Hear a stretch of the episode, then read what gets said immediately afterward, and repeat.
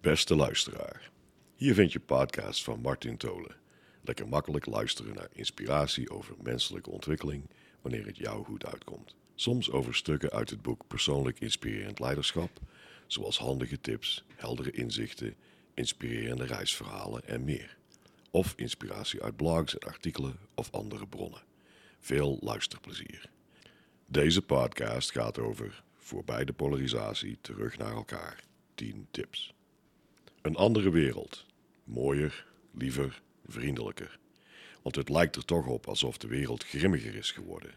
In en tussen landen, in de politiek, in de media, in organisaties of gewoon op straat. Framing, canceling, polarisering en radicalisering zijn aan de orde van de dag. Hoe maken we van de wereld een fijnere plek? In werk en privé, in grote en kleine kring. Luister verder voor 10 universele tips. Hoe heeft het zover kunnen komen? Dat heeft te maken met ons ego. We leven en werken in een wereld die voller is geworden en waar veiligheid niet meer vanzelfsprekend is. Onderhuids regeert stiekem de angst en macht om voor onszelf een veilige eigen plek te maken of te behouden. We willen onszelf meer beschermen en iemand van betekenis zijn in de drukte die is ontstaan en weigeren niet om onze ellebogen te gebruiken. Waarom?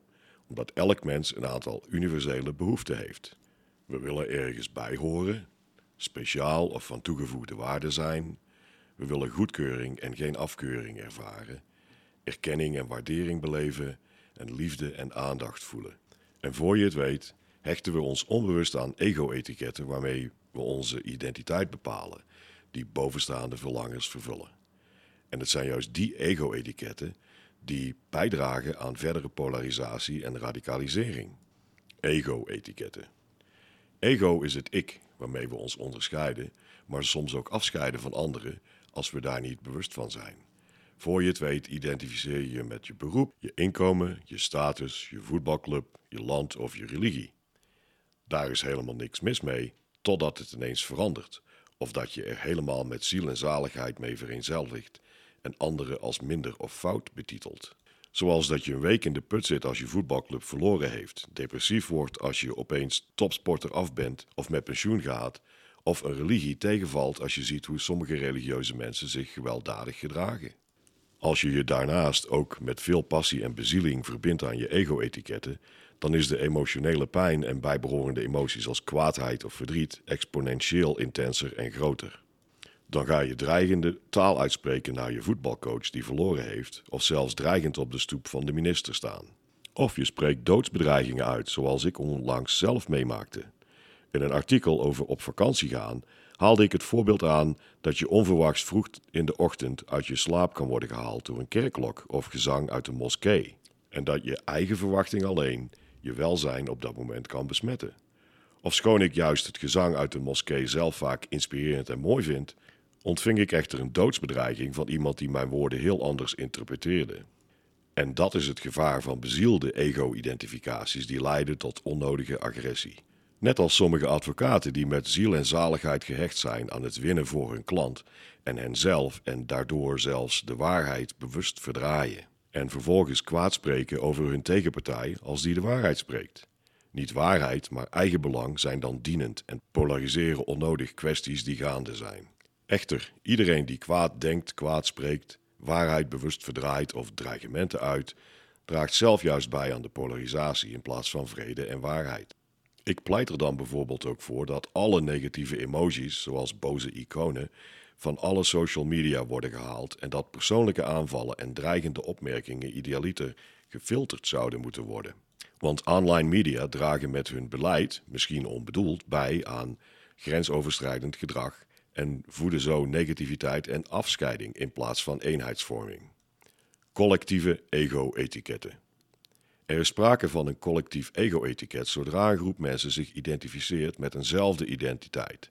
En ook daar is op zich helemaal niks mis mee. Sterker nog, je kunt samen juist bergen verzetten. Dat kan een organisatie zijn waar je voor werkt of een voetbalclub of bijvoorbeeld een land of religie.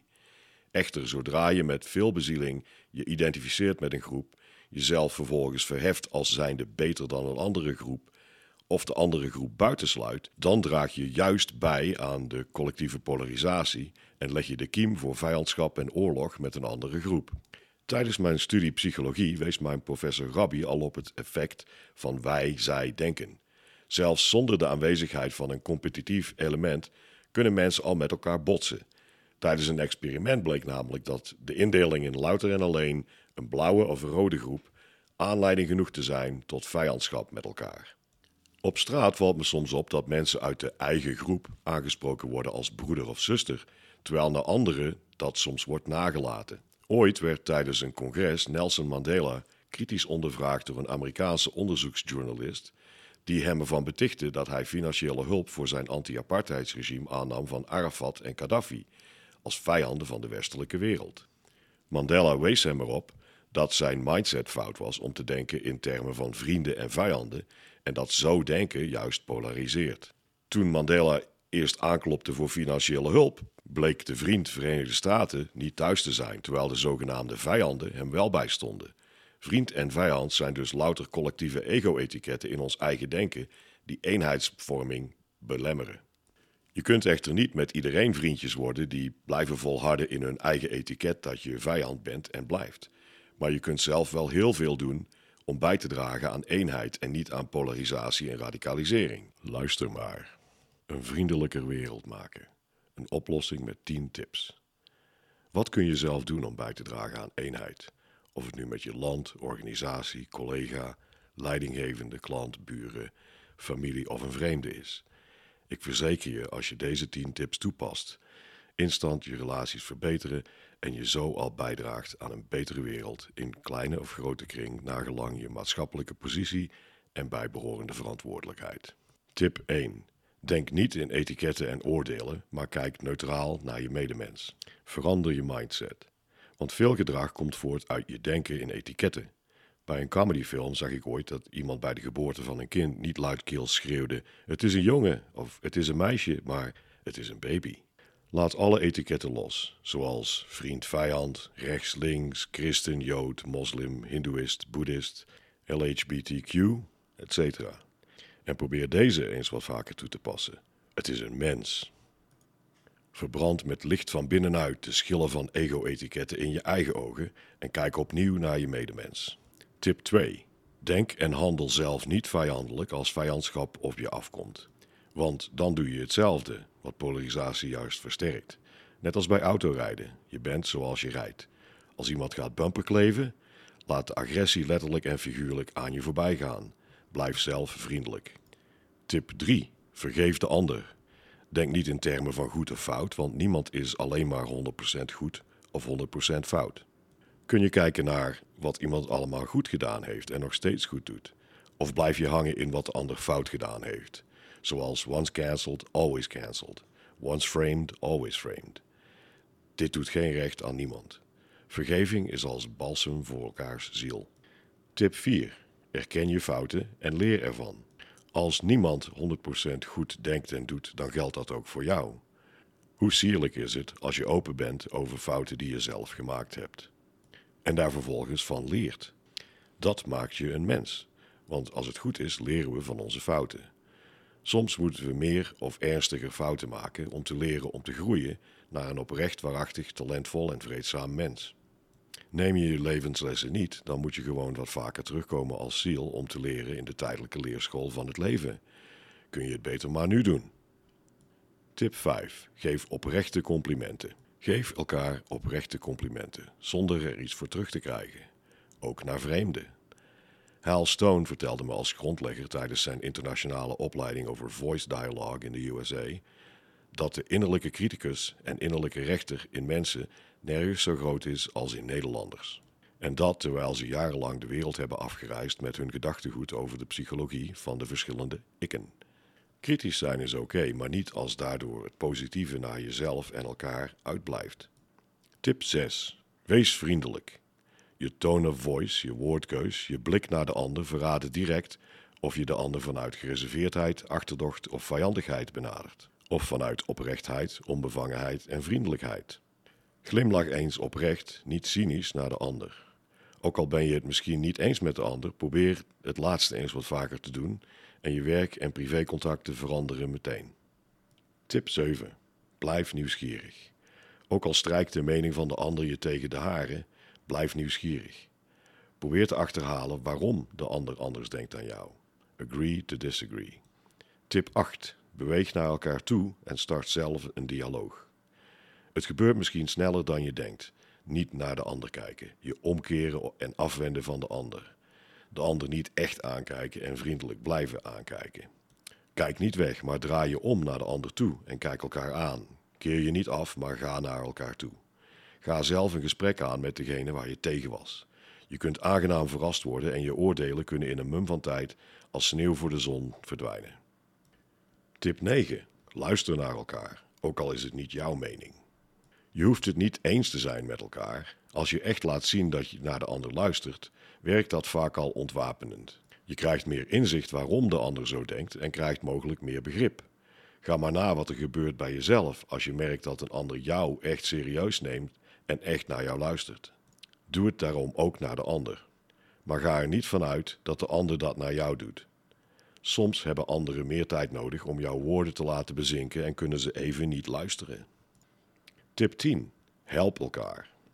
Elke helpende hand vanuit oprechtheid en liefde wordt vaak goed ontvangen. Zo niet, dan is de ander er niet aan toe, maar neem het niet persoonlijk, want het gaat dan niet over jou. Maar doorgaans laat je zo een goede wil zien die de relatie met de ander verbetert. En nu de praktijk. Je bent zelf verantwoordelijk voor hoe je denkt over de ander en hoe je je gedraagt en uitspreekt naar de ander. Ook al lijkt de ander aanleiding te geven tot boosheid, verdriet of wat dan ook, jij blijft altijd verantwoordelijk voor je eigen gedrag en gedachten. Wat denk je zelf? Wat doe je zelf? Elke dag, elke minuut met betrekking tot je medemens. Het wordt zoveel leuker en fijner met elkaar samenleven als je die 10 tips toepast. Probeer het eens en oordeel achteraf of het gewerkt heeft. Hier de 10 tips nog op een rijtje. Tip 1. Denk niet in etiketten en oordelen, maar kijk neutraal naar je medemens. Tip 2. Denk en handel zelf niet vijandelijk als vijandschap of je afkomt. Tip 3. Vergeef de ander. Tip 4. Erken je eigen fouten en leer ervan. Tip 5. Geef oprechte complimenten. Tip 6. Wees vriendelijk. Tip 7. Blijf nieuwsgierig. Tip 8. Beweeg naar elkaar toe en start zelf een dialoog. Tip 9. Luister naar elkaar, ook al is het niet jouw mening. Tip 10. Help elkaar. Spreek dit artikel je aan en wil je dat meer mensen mooier samenleven? Leuk als je het deelt. Ten slotte, alle momenten in je leven heb je een keuze om voeding te geven aan het positieve of het negatieve. Aan jou is de keuze. Zoals dit verhaal laat zien, wat ik letterlijk op reis tegenkwam in een indianenreservaat in Kamloops, British Columbia in Canada. De Suswap-legende van twee wolven. Op een avond onderwijst een grootvader van de Secwepemc-stam zijn kleinzoon over het leven. In mei is een strijd gaande, vertelt hij aan de jongen. Het is een verschrikkelijk gevecht tussen twee wolven. De ene is slecht. Hij is kwaadheid, jaloezie, spijt, hebzucht, arrogantie, zelfmedelijden, schuld, minderwaardigheid, leugens, valse trots, superioriteit en ego. De ander is goed. Hij is vreugde, vrede, liefde, hoop, rust, welwillendheid, empathie, vrijgevigheid, vergevingsgezindheid, mildheid, waarheid, compassie en vertrouwen. Hetzelfde gevecht is in jou gaande en in iedereen. De kleinzoon dacht er even over en vroeg zijn grootvader, maar welke wolf zal winnen? De grootouder antwoordde simpel: degene die je voedt